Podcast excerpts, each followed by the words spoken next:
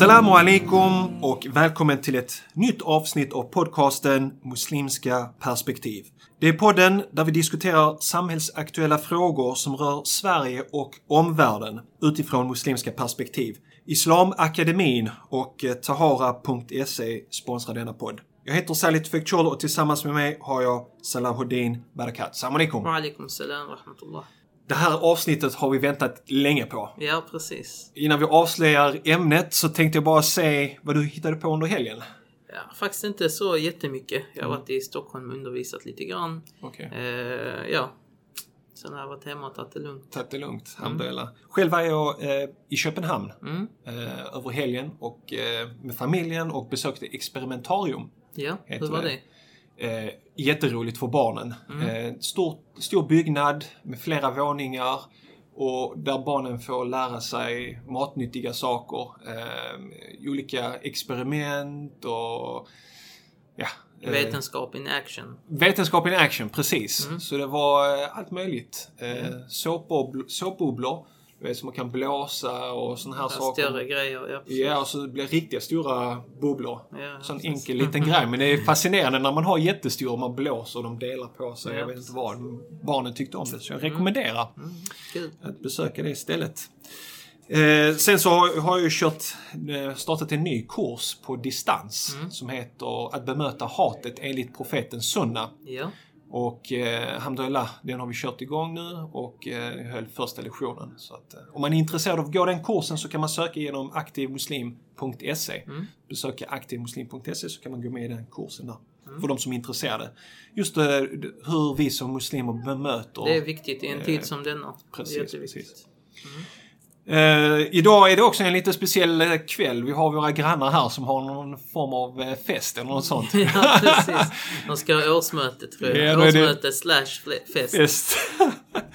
eh, ingen kommer på ett årsmöte om det inte är lite fest och Ja, musik. Eh, så att vi hoppas inshallah att det inte stör så mycket med inspelningen idag. Men gör det det så får vi be våra lyssnare ha överseende med det. Ja. Okej, så jag har väntat väldigt länge på det här. Jag vet att vi har gått ut med detta till våra lyssnare ett antal gånger. Eh, just ad, eh, Adonis. Mm. Så här heter den Adonis, jag vet inte. Men eh, jag lyssnade på lite intervjuer så det är Adonis. Adonis. Adonis. Ja, precis. Adonis. Precis.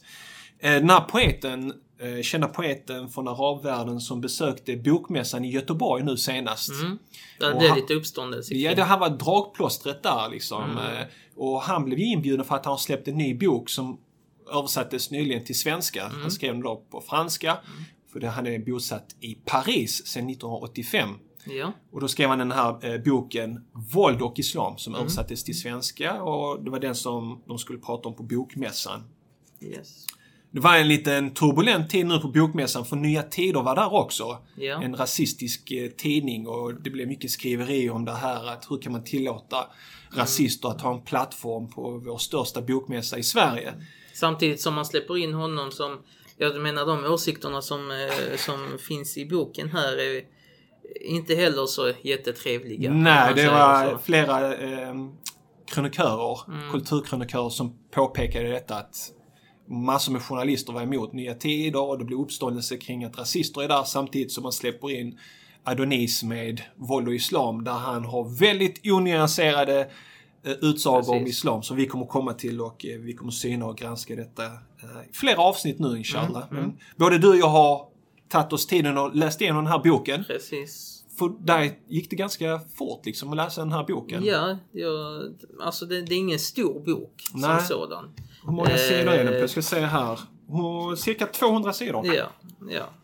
Eh, Ganska luftigt, stora bokstäver och så. ja precis. Så att den, den går att läsa på några timmar faktiskt. Eh, Jag måste ju erkänna Ingen, att... ingen eh, alltså jag var inte någon imponerad med det litterära på något överhuvudtaget. Alltså det var inte alls någon litterär Han är ju poet, storverk. så man är lite så förvånad att det kunde vara så här. Ja, skrivet. för mig känns det mer som ett så här nästan propagandaverk. Vet du vad det kändes som? Vi har Mm. i, i, i, inom viss, jag har sett Eh, bland annat har jag sett det från en del eh, shia-muslimskt håll. Mm. Där man har såna här eh, pseudo eh, diskussioner. Ja, just det. Alltså typ en sunni mot en shia. Eh, diskuterar, argumenterar om det och sen kommer man fram till att ja, den ena sekten är den rätta och har, har bästa svaren och så vidare. Men där man sen, när man faktiskt kollar upp så kommer man fram till att båda eller det fanns inte två som Nej, diskuterade utan det var en person. Det var en uppdiktad Ja, precis. Mm. diskussion helt enkelt. Så det kändes lite av, av det För, det, för det, slaget. den här boken då, Våld och Islam, det är ett samtal som Adonis för med, ska vi se, jag har hennes namn här. Horia Abdulwahid. Ja, precis, från Frankrike. Psykoanalytiker, eller hur? Ja, Det är precis. hennes eh, stora grej då.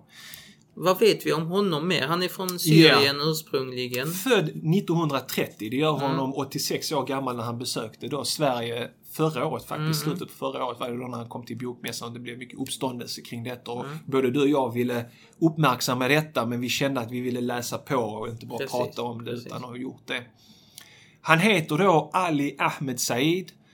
Föräldrarna då, en liten artikel som vi hittade på, på nätet. Föräldrarna valde att namnge honom efter profetens svärson Ali, vilken var gift med Mohammeds dotter Fatima. Och han har ju då en alevitisk bakgrund. Precis. Så han är inte sunni-muslim, han är inte shia, Precis. han är alevit. Ska vi säga en liten sekt. Ja, det är en heterodox sekt eh, som dock har varit, eh, vad ska man säga, bakom den styrande regimen, den syriska regimen. Eh, de har ju sett som icke-muslimer, både bland sunniter och shiiter traditionellt sett. Eh, och det tror jag har påverkat honom en hel del, måste jag säga. Alltså, om man ska gå in och analysera psykoanalytiskt Yes. så, så tror jag att eh, för de här sektorerna är ofta eh, har ju varit utsatta för förtryck till viss del och man har en starkt, ett väldigt starkt stamtänkande, klantänkande, patriarkaliskt. Det är väldigt patriarkaliskt. Absolut. Oftast mycket mer patriarkaliskt än majoritetsbefolkningar är. Och eh, jag tror att det, den bilden, den synen av religion har han haft med sig troligtvis. Eh, och, och man kan märka det i vissa passager i boken där han tar ett väldigt liksom så här Eh, inte antisemitiskt men anti-etablissemang, anti-majoritet. Han är revolutionär. Eh, troligtvis påverkats, vad jag har förstått också, påverkats av kommunismen, socialismen eh, och har lite så här outsider eh, Han är väldigt- mentalitet. Ja, han är väldigt upplyst. Han har koll på läget och ingen annan fattar någonting. Ja, det är vad han vill framstå Ja. som. Men eh, som vi kommer att se i verkligheten inte helt eh, så. Nej. Eh, Han brukar ju beskrivas som den arabiska poesins stora förnyare och modernist. Han fick eh, 2016 fick han då Stig Dagermans pris. Stig Ma- Dagerman-pris är ett svenskt litterärt pris och eh, har utdelats sedan 96. Mm. Och eh, då ger eh, kommunen, vilken kommun är det? Älvkarleby kommun. De ger ut denna till en person eller författare som i Stig Dagermans anda har verkat för att värna om det, om det fria ordets betydelse och tillgänglighet. Mm. Så då, då hade vi lite grann om, eh, om boken. Och sen Ja. är det ju, alltså, sen måste man ju också tänka på att han skrev boken på franska. Mm. Så den vänder sig i första hand till en fransk publik. Ja, precis. Och det märks ju. Det är väldigt så här eh, nästan fanatiskt extremt eh, sekulär eh, perspektiv, sekulärt perspektiv på eh, boken och hela hans syn genomsyras av en väldigt extrem sekularism. Och det som vi kommer säga. komma in på också, eh, bilden av araberna i, i bland den franska eliten. Och vi ser att, att han reproducerar den här bilden av araben som väldigt enkelspårig. Eh, ingen utveckling i den arabvärlden utan det är Frankrike som är upplyst. Det är Adonis som upplyst och så här. Vi kommer tillbaka till det. Men det är också någonting som eh, Karin Olsson i Expressen skrev också en artikel då. Mm. Hon skrev bokens innehåll ligger också i linje med den djupt rotade sekulära traditionen i Frankrike som bland annat har resulterat i förbud mot religiösa symboler i skolan. Så det är väl den linjen han framför rätt så mycket, Mm. eh, skulle man kunna säga. Absolut. Om vi pratar lite grann om boken dock så skulle man kunna säga att där är ett antal drag, ska man säga, antal trender man kan se i boken. Eh, den ena som jag tyckte var relevant det är att den saknar eh, vetenskapliga referenser. Mm. Alltså han gör ju ständigt anspråk på att det här är vad Islam säger, det här är vad muslimer säger, det här är vad araber säger och har gjort. Och på väldigt, väldigt få ställen har han refererat till mm. någonting överhuvudtaget. Eh, jag räknade lite grann, vad har han för referenser? Och om man, kollar, om man bortser från eh, korancitat, som vi kommer att prata om vid, längre fram, så, och allmän liksom så här förklaring om vem de han nämner är. Så när han nämner en eh, filosof så har han en kort not om den här filosofen. Mm. Men faktiska, liksom säg forskning, rapporter, studier som har gjorts som kan stödja hans teser finns i princip ingenting ja, överhuvudtaget. Fast när han gör stora påståenden och så här finns som kräver inte uppbackning. Ingenting så, överhuvudtaget. Det, det, det, det, det, du har jag... ungefär ett tiotal referenser som är till allmänna verk Eh, det kan vara till exempel Tabaris Tarir, tarir mm. alltså en, en, klassisk eh, arabisk historie, ett historieverk. Mm. Eh, och jag menar, det, det, det, visar lite grann om vad är det här för slags bok? Mm. Eh, är det ett propagandaverk eller är det, alltså vilka slutsatser kan man dra från det? Jag såg någon eh, sida, någon svensk journalist som sa att den här borde läras ut, eh, hållas, ges som utbildning. Mm. Jag menar, vilken, vad har vi för nivå i så fall eh, på, på eh, ja, studiematerialet som ska användas då? Så att det är en jätteviktig del för min del. Yeah. Alltså, det saknar helt enkelt vetenskap som grund. Forskning, studier fanns inte överhuvudtaget. Eh, det andra är samtalet, det här samtalet. Mm. Jag hade gärna sett istället att samtalet hade varit mellan honom och någon som kanske hade haft en annan mening. Mm.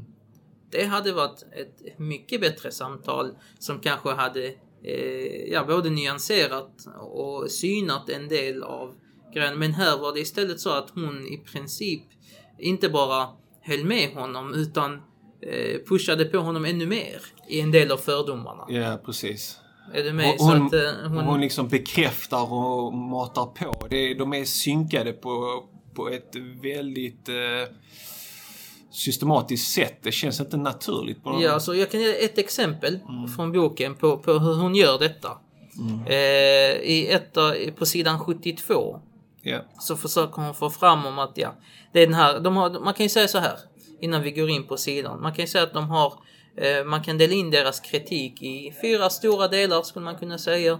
Den ena en allmän religionskritik mot islam. Eh, och det är också lite rörigt.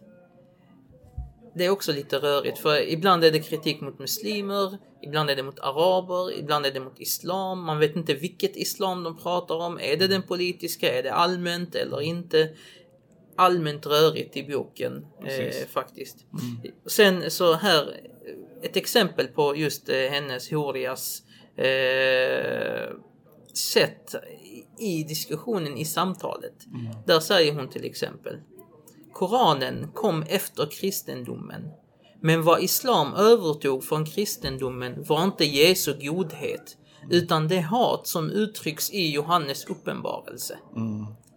Så det är alltså, hon, hon matar honom med ännu mer mm. eh, vad ska man säga, fördomar eller felaktigheter. Och han bara, ja men jag håller helt med liksom.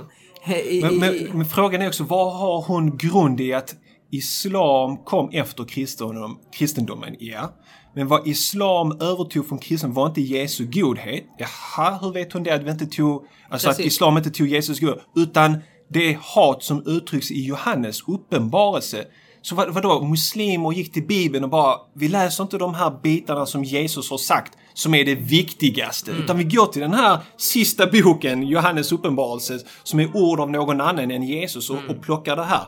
Var har hon fått det ifrån? Fått det ifrån? Och, och, bara det, det visar ju hennes syn på islam mm. som hatiskt. Mm. Det är inte godhet. Det finns ingen godhet. Den här godheten saknas. Mm. Eh, och det, det i sig är ju väldigt generaliserande. Yeah. Som sagt felaktigt. Och visar väldigt mycket på att hon, ja, det här samtalet är inte mellan två parter som på något sätt har egna åsikter, mm. egna, utan det är som mm. en person och sin spegelbild. Precis. Och det är också viktigt att nämna att hon är ju ett stort fan av honom och har översatt flera av hans verk. Mm, så att det, det, här är ju, det är jätteviktigt att ha med sig det när man läser hela mm. boken.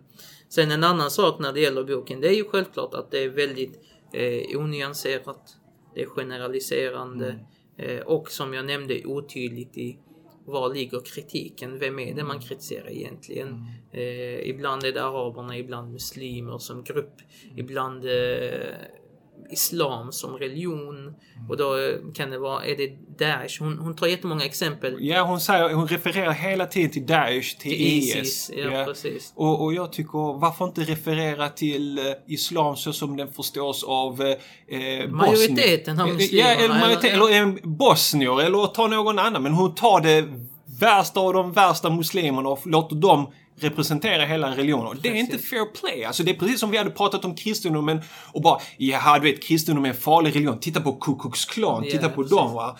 Titta alltså, på Herrens armé i Afrika ja, som eller hur? av lemmar och så. Ja, ja, men... Eller prata om korståg. Jag tycker det är så onyanserat. Alltså, jag jag hade väldigt svårt att läsa den här boken. Det tog mm. mig ganska lång tid för jag, jag, blev så provocerad för att samtidigt läser jag den här onyanserade boken med slagordsaktiga formuleringar. Mm. Eh, inga referenser och så vidare. Och, och eh, det, och sen så samtidigt som jag vet att han är inbjuden till Göteborgs bokmässa, till de fina korridorerna och till de fina liksom, samlingarna. Mm. Och man bjuder in en, en person som har skrivit en bok som är så onyanserad och fördomsfull. Alltså hade någon skrivit en bok och vi hade bytt ut islam till judendom och muslimer till judar. Då, då, hade man trott att den här boken är liksom från andra världskriget. Ja, ja. Har, har jag fel där? Nej, Vad nej jag håller med. Jag skulle absolut jag håller helt med i det och jag tror att eh, bara byt, byt eh, namn på författaren. Yeah. Yeah. Sätt eh, Jimmy Åkesson yeah. så hade den pekats ut som en rasistisk bok. Han kommer undan lite grann mm. på grund av hans bakgrund. Mm. Och det är någonting som vi ser ske eh, väldigt ofta, även i media, mm. eh, även i politik. Mm. Man drar fram människor med uppfattad muslimsk bakgrund för att framföra kritiken mot muslimer eller islam på ett fördomsfullt sätt. För att, inte, för att man tror att man kan komma undan stämpeln av islamofobi eller muslimhat. Medan vi vet att eh, en jude kan göra antisemitiska uttalanden. Ja, ja, en arab eller muslim kan göra islamofoba antimuslimska uttalanden. Mm. Det är inte mer än så utan Eh, särskilt, men... särskilt när man kommer från en eh, sån här heterodox minoritetssekt. Det är väldigt mm. vanligt förekommande att de blir väldigt eh, aggressiva och mm. eh, ja, på, liksom kritiken är inte alls eh, balanserad eller nyanserad på något sätt. Har vi någonting mer om boken allmänt? Annars tänkte jag att vi går över och tittar lite grann på hans bild av araber. Ja, alltså, nej, jag, jag, tror vi, ja, vi går, vi går vidare och kollar. Mm. Det, det, kommer ju komma fram en hel del under tiden. Precis. Jag, jag har ett citat. Han skriver mm. väldigt generaliserande om araber. Till exempel skriver han så här. Tyvärr måste man konstatera att det arabiska sättet att tänka, även om det utger sig för att vara modernt, är lika dogmatiskt och präglat av stammentalitet som tidigare. Inget får förändras eller rubbas allt måste förbli som det alltid har varit. Fast och statiskt. Mm. Är inte det här en sån klassisk bild av eh, eh, eh, kolonialismens syn på eh, araber eller de här länderna som kolonialiserat. De var statiska, föråldrade. Vi måste, vi, den vita mannens börda av att civilisera den här befolkningen och liksom få dem i rörelse för de har stagnerat. Absolut har han anammat, jag tror han har anammat väldigt mycket av den eh, koloniala retoriken. Mm. Eh, det ser man genomgående i hans verk och jag tror att bara det att eh, prata om en arabisk eh, mentalitet eller vad det är han säger. Ja, arabiska eh, sättet att tänka. Ja, väldigt menar, dogmatisk stammentalitet. Jag menar, arab, hur många miljoner araber finns det? Yeah. Och, och, vi vet hur stora skillnader det finns från land till land. Mm. Från plats till plats. Att prata i så generaliserande termer eh, ja, för mig, för mig visar det inte mycket annat än en eh, fördomsfull Men- men- syn. Det som jag Och läser sen vad har han för grund för det? Ja, ja där, där är inte någon referens. Har han referens? Ja, Nej. får Nej, det, är bara, det är de här slagorden, det är de här generaliserandena Ja. som han släpper. Men, men jag tycker att han motsäger sig själv. För han själv har ju fått hur mycket uppmärksamhet som helst i Mm. den arabiska världen. Han har skrivit i stora arabiska tidningar, kritiserat Mm. eh, religion, traditioner och så vidare. Hans bok... Men eh, vet du vad? Jag är inte 100% säker på det, att han har fått så mycket publicitet. Ja, lite Alltså, om jag gick, ja, jag vet, ja. men man vill, jag tror att det handlar mer om att framhäva honom Ja. lyfta upp honom. Eh, Jag gick faktiskt in och försökte söka lite grann Okej. eh, på honom på arabiska då. Och jag fick inte alls ut Mm. eh, så mycket. Jag blev överraskad. Eh, Så att jag, jag vet inte om, om det faktiskt stämmer till 100%. Nu är jag inte, vi är inte bosatta där. Nej. Så man är inte så jätteinsatt i, i allt vad som händer. Det kanske var hans storhetstid var på 80-90-talet, jag vet ja, inte. kanske. Men han, han skriver ju längre fram i boken på sidan 32 om sin bok Thabit wal Mutawakkil. Där skriver han att den har kommit ut i flera upplagor. Boken har blivit en litteraturhistorisk klassiker. Femtonde upplagan är ute nu. I de intellektuella miljöerna höjs röster för ett friare sätt att tänka. Det här låter inte som stagnerat, stammentalitet, Mm, Nej, men han menar inget väl att förändras dessa eller är avvikande, en fåtal, en minoritet.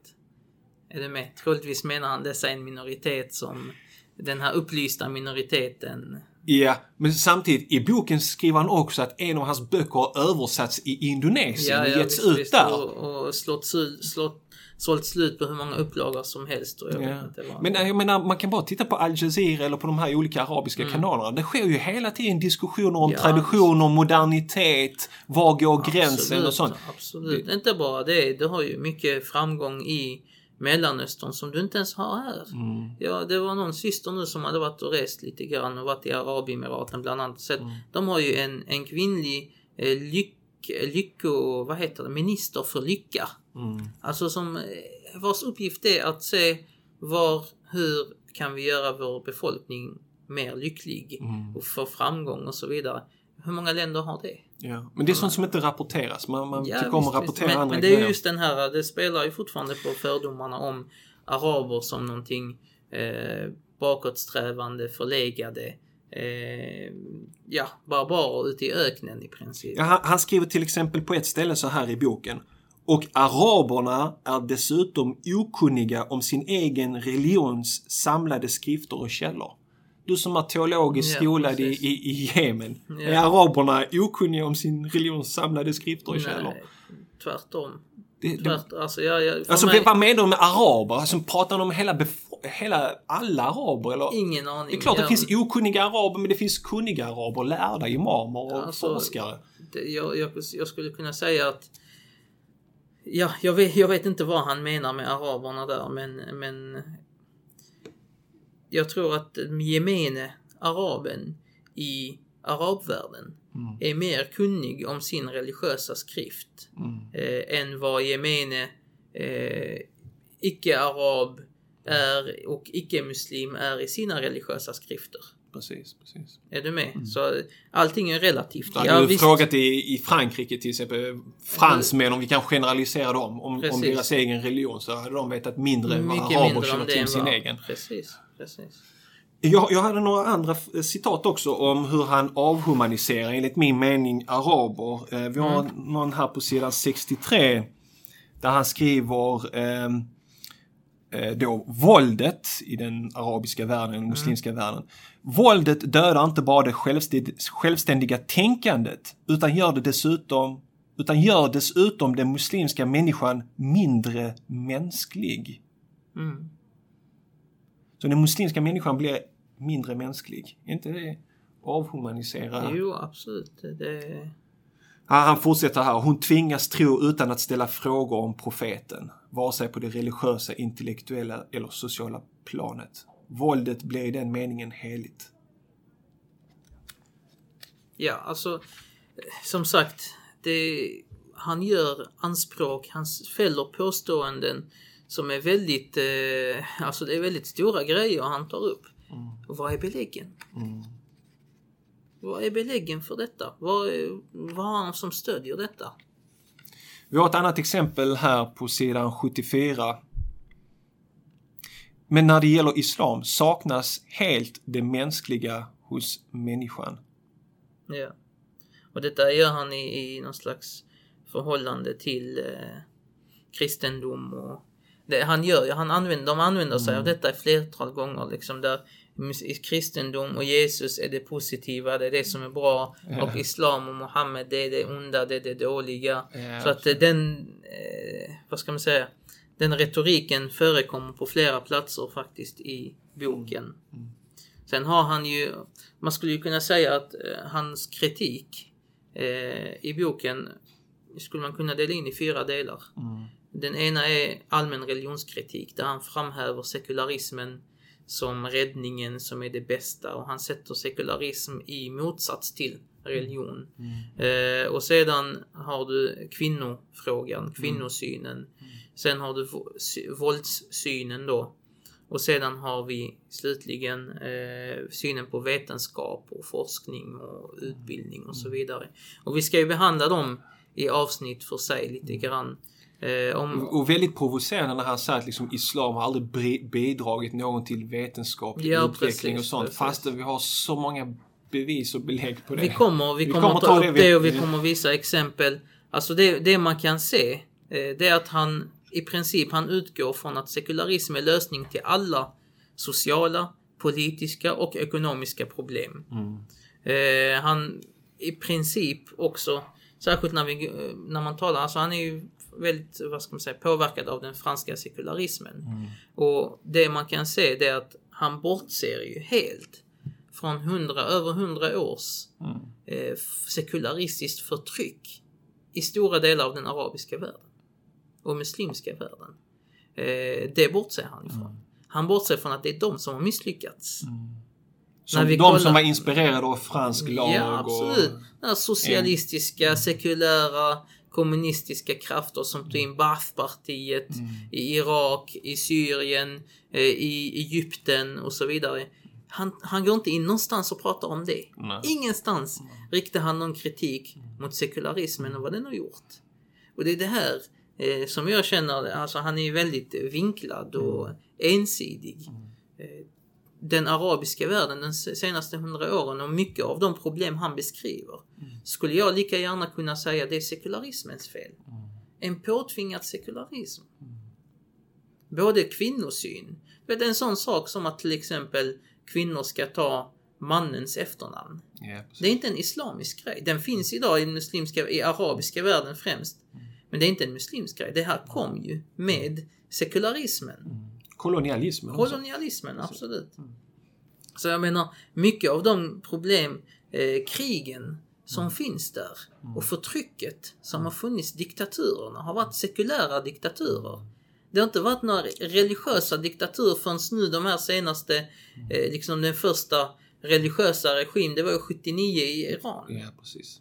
Och det var med sekulärt stöd, västerländskt stöd, de kom till makten och Sen visade det sig att de hade satsat fel här. Lite. Precis. Och jag menar, och för mig är till och med den slags regim, alltså den eh, moderna eh, sekulära, eller vad man kallar för islamistiska. För mig är det en sekulär regim i muslimsk skepnad. Muslimsk klä- klädsel. Det är inte islam för mig. Så att, jag menar, eh, hans kritik mot religion jag kan vända den precis samma kritik mot sekularismen och dess påverkan i, i den muslimska världen. Han säger istället, han, han försöker ju säga så här.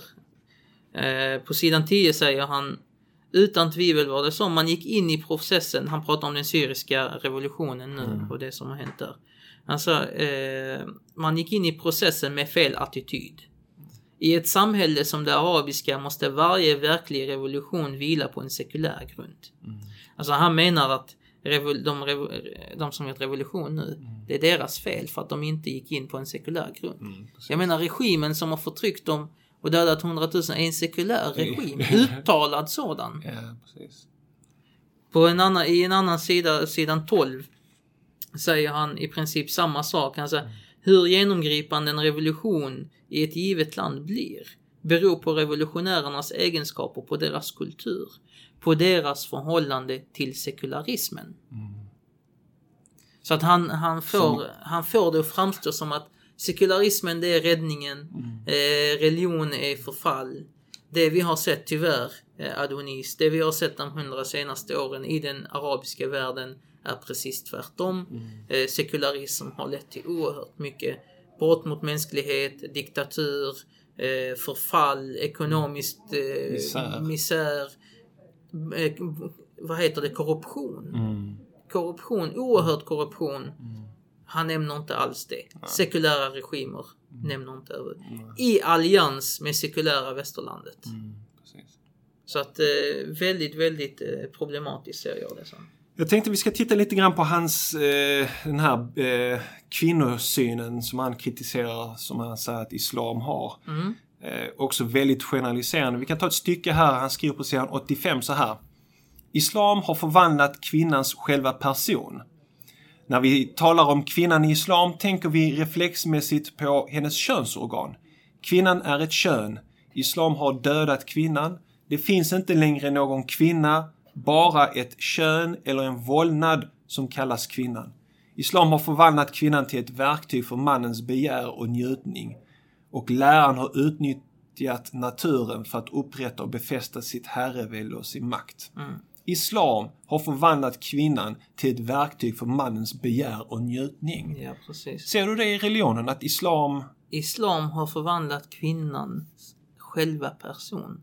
När vi talar om kvinnan i islam tänker vi reflexmässigt på hennes könsorgan. Alltså jag tycker det är osmakligt. Jag, när jag tänker på kvinnan i islam så tänker inte jag på hennes könsorgan. När vi tänker på kvinnan så tänker vi på eh, Maria Ja. som har en egen eh, sura i Koranen. Mm. Vi tänker på profetens hustrur som var lärda, som var aktiva. Jag tänker på min mamma. Jag, jag tänker på min Absolut. fru. Alltså jag, jag tänker på dem som goda förebilder som har, vet, jag hade inte varit Visst. där jag är idag om inte det hade varit på grund av min mamma, på grund av min fru, på grund av, vet, alla de här starka kvinnorna som jag har runt omkring mig. Jag sitter och tänker på hennes De könsorgan. hundratals hadither som lyfter upp kvinnan. Jag menar, Och, och långt ifrån har inte islam förvandlat kvinnorna i mitt liv till verktyg så att jag ska kunna liksom tillfredsställa mina begär och njutningar. Jag, alltså, jag tror helt enkelt, vet du vad jag tror? Det är en projicering han har. Ja. Av kanske sin egna upplevelse eller någonting. Mm. Jag vet inte vad han har för grund för det, vad han har för belägg. Han ger ingenting. Mm. Vi ska ta, eh, det finns en annan plats här i boken där han pratar om kvinnosynen bland araber eller bland muslimer. Eh, Han skriver så här på sidan 97. Det finns många arabiska erotiska texter, men de skildrar kvinnan som en docka. Det har skrivits mycket om eh, sexualiteten. Hur tar kvinnan i besiktning? Hur kan mannen bli kvinnans gud? Hur få henne att njuta? Allt kretsar kring mannens virilitet och sexuella förmåga. Kvinnan framställs som den som är skyldig att öppna sig för mannens virilitet. Hon beskrivs som en hjälplös deg i mannens händer. Ja.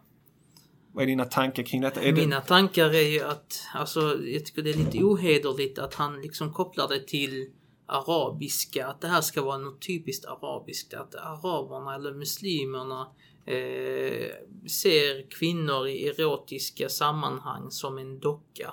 Eller, lik- jag menar, kolla på den västerländska nutida eh, erotiska filmatisering eller vad man vill kalla pornografin. Kolla på Hollywoodfilmer, James Bond-filmer. Musikvideon, Allt allt, vad det är.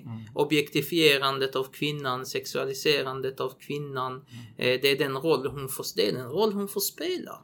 Jag menar kom igen, hur många eh, filmer är det inte där eh, ja, kvinnan är just en, ett objekt som ska vara så avklädd som möjligt. Eh, det är inte hon som går runt och är hjälte. Nej, precis. liksom, eh, och, och Det är vidare. män i makt som skriver Ja. om kvinnor och får utlopp för sina fantasier. Och det ger dem genom böcker, det ger dem genom filmer, det ger dem Det genom musik. genomsyrar hela den västerländska nutida eh, kulturen. Mm. Och särskilt inom den erotiska eller pornografin eller vad det är. Mm. Då är detta väldigt tydligt. Så eh, är detta någonting arabiskt? Är det någonting muslimskt? Eller är det någonting mänskligt? Mm. Eh, är det någonting liksom som är allmänt eh, i, i var man än är, vilken kultur man än befinner sig i, kommer man fis, finna de här sakerna.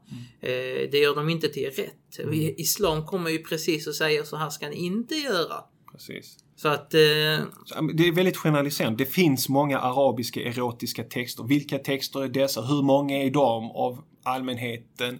Eh, Men, men som sagt, det finns många svenska erotiska texter, amerikanska erotiska texter, kinesiska erotiska texter som också är på det här sättet. Ja, Men på något sätt när man läser i sammanhanget och när det formuleras så här, det känns som det är en exklusiv arabisk grej att man gör så här. och det, det, är no, det är ett sätt, så det är en retorik han använder som är genomgående. Och som, alltså det, det bygger ju fördomar. Folk nu som kommer läsa det här kommer tänka ja det här är den arabiska mannen. Mm, Den arabiska kvinnan är i underläge, en docka i hans, en deg i hans händer.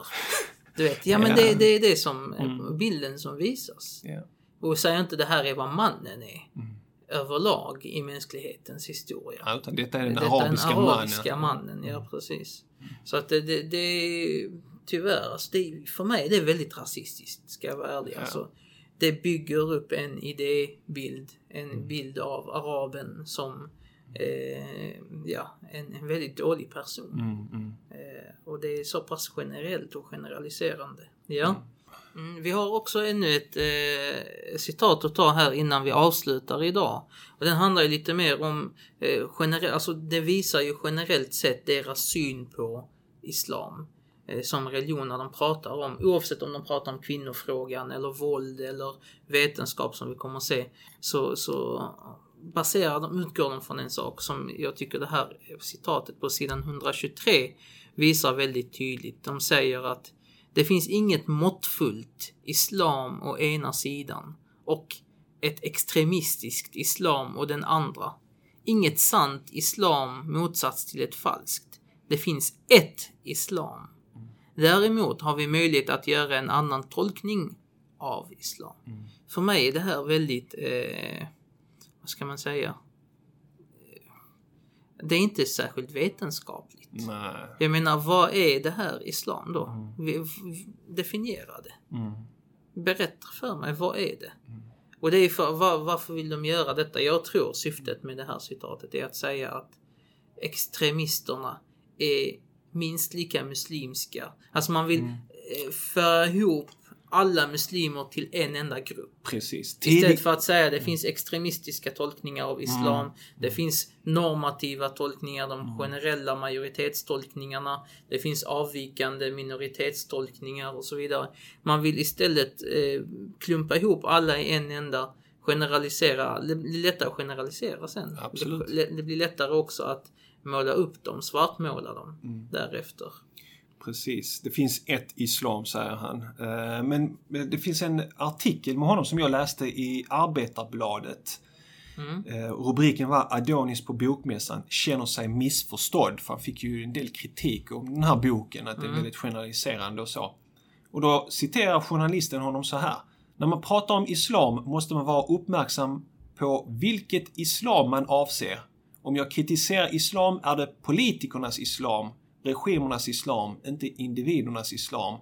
Det måste man skilja på. Men det vi ser i boken är att det här inte stämmer. Nej. Han pratar om islam Han pratar om bara islam och han pratar väldigt mycket om folk och massorna och Mm. populationerna överlag, muslimer överlag.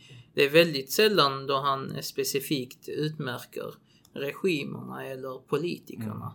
Och saken är den att politikerna än en gång har varit sekulära de senaste hundra åren till huvudsak. Och de här reaktionerna som finns nu av vissa extremistiska, det är mer en reaktion på den här eh, extrema sekularismen som har fått eh, och skördat massa människoliv och spridit förtryck och fördärv i, i den muslimska världen. Det är ett sista citat som jag vill ta Mm. med som en bonus. I, I samma artikel då i Arbetarbladet så citerar journalisten honom på följande sätt. Han säger så här. En kvinna i burkini som ska simma? Frågetecken. Hur ska det gå till? Att acceptera det för mig är samma sak som att avsky kvinnan.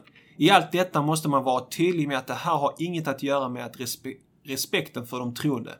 Man måste respektera människors tro, men att i ett civilt samhälle sätta på sig slöja är en aggression. Så what? man måste respektera människors tro, men i ett civilt samhälle sätta på sig en slöja aggression. Vad är det aggressiva i en slöja? Ja, du. Och hur, vad är det man ska respektera i den andra om det inte är deras utövande om sin tro? Då, du kan respektera dem så länge de klär sig så som mig. är det vad han säger? Men det, är, det här är ju den, tyvärr den extremistiska sekulära synen på saker och ting. Eh, Du får göra vad du vill så länge du gör det som mig. Och, och, och, och, och första meningen, en kvinna i burkini som ska simma? frågetecken. Hur ska det gå till? Ja men hur, hur simmar en man i sån här eh, dykdräkt? Dykdräkt, ja precis. det går väl hur bra som helst. Det går, funkar väl med en burkini också? Ja. Ja, Ja, det- men det, det, man ser ju att det inte... Alltså det, är, det är varken rationellt eller vetenskapligt på något sätt utan det är styrt av fördomar helt enkelt. Det är, Mm. Ja, men om man är, så om man är tydligt 86 år gammal och man så kanske man har svårt att föreställa sig hur man kan simma i en burkini. igenom. Ja, Jag vet inte. ja, ja, visst. Och man ser slöjan som aggression. Ja. Akta, den, den är skrämmande. Ja, Den hotar. men du vet, det är det som det, är det som det bildar. Alltså det är de här idébilderna som den lägger grund till. Ja. De här, eh, till den här texten. Folk som läser detta kommer gå runt kanske, en del Mm. utav dem, gå runt och tro att slöjan är ett tecken på aggression. Men, men du vet, det, det är det här som förklarar, du vet, när vi läser i tidningar de här utfallen mot kvinnor med, Mm. med slöja, vet, de skriker fula saker mot dem, River drar dem i slöjan. Mm. Eh, I USA där den här eh, mannen sköt de här, det här unga par, de var tre stycken, kommer du ihåg? Mm. Ja, mannen och två tjejer liksom. Eh, de, när de gör det här, vi tänker hur kan han göra så mot oskyldiga Mm. människor? För dem, när de ser en slöja så är det aggression. Det är liksom ett, ett våld eller ett hot mot dem Mm. i deras förstörda psyke. Så att Och tyvärr är det ju... sånt här de matas med. Sånt här, ja precis. Det blir ju en, en del i, i propagandan som påverkar. Jag tycker det är väldigt skrämmande att Bokmässan i Göteborg bjuder in i det fina rummet. Ja, alltså, det är helt för, förbi mitt förstånd. Och, och väldigt lite ifrågasättande faktiskt. Väldigt lite Precis. ifrågasättande. Jättebra. Eh, vi vill gärna veta vad du som, som lyssnar tycker om eh, det som vi har pratat om idag. idag. Eh, vi har diskuterat boken Våld och Islam av Adonis. Adonis, det är där betoningen ligger. Vi vill gärna veta vad ni tycker, så kommentera gärna. Gå in på vår hemsida muslimskaperspektiv.se. Gå in på avsnittet och skriv kommentarer. Det går också alldeles utmärkt att mejla oss på admin muslimskaperspektiv.se. Vi läser alla mejl och vi försöker svara på alla lyssnarfrågor också. Och vi kan också säga att det här är ju bara första delen av minst två till i alla fall. Precis. Som vi kommer ha. Den ena kommer handla om våld i islam. Och det andra om vetenskap. Möjligtvis någon till. Precis. Mm. Och om du tyckte om dagens avsnitt skulle vi uppskatta om du tog 2-3 minuter och delade dagens avsnitt via din Facebook-sida. På så sätt hjälper du oss att nå ännu fler lyssnare som kan dra nytta av våra samtal. Till sist vill vi tacka våra sponsorer Islamakademin och Tahara.se. Tack för att du har lyssnat och på återseende.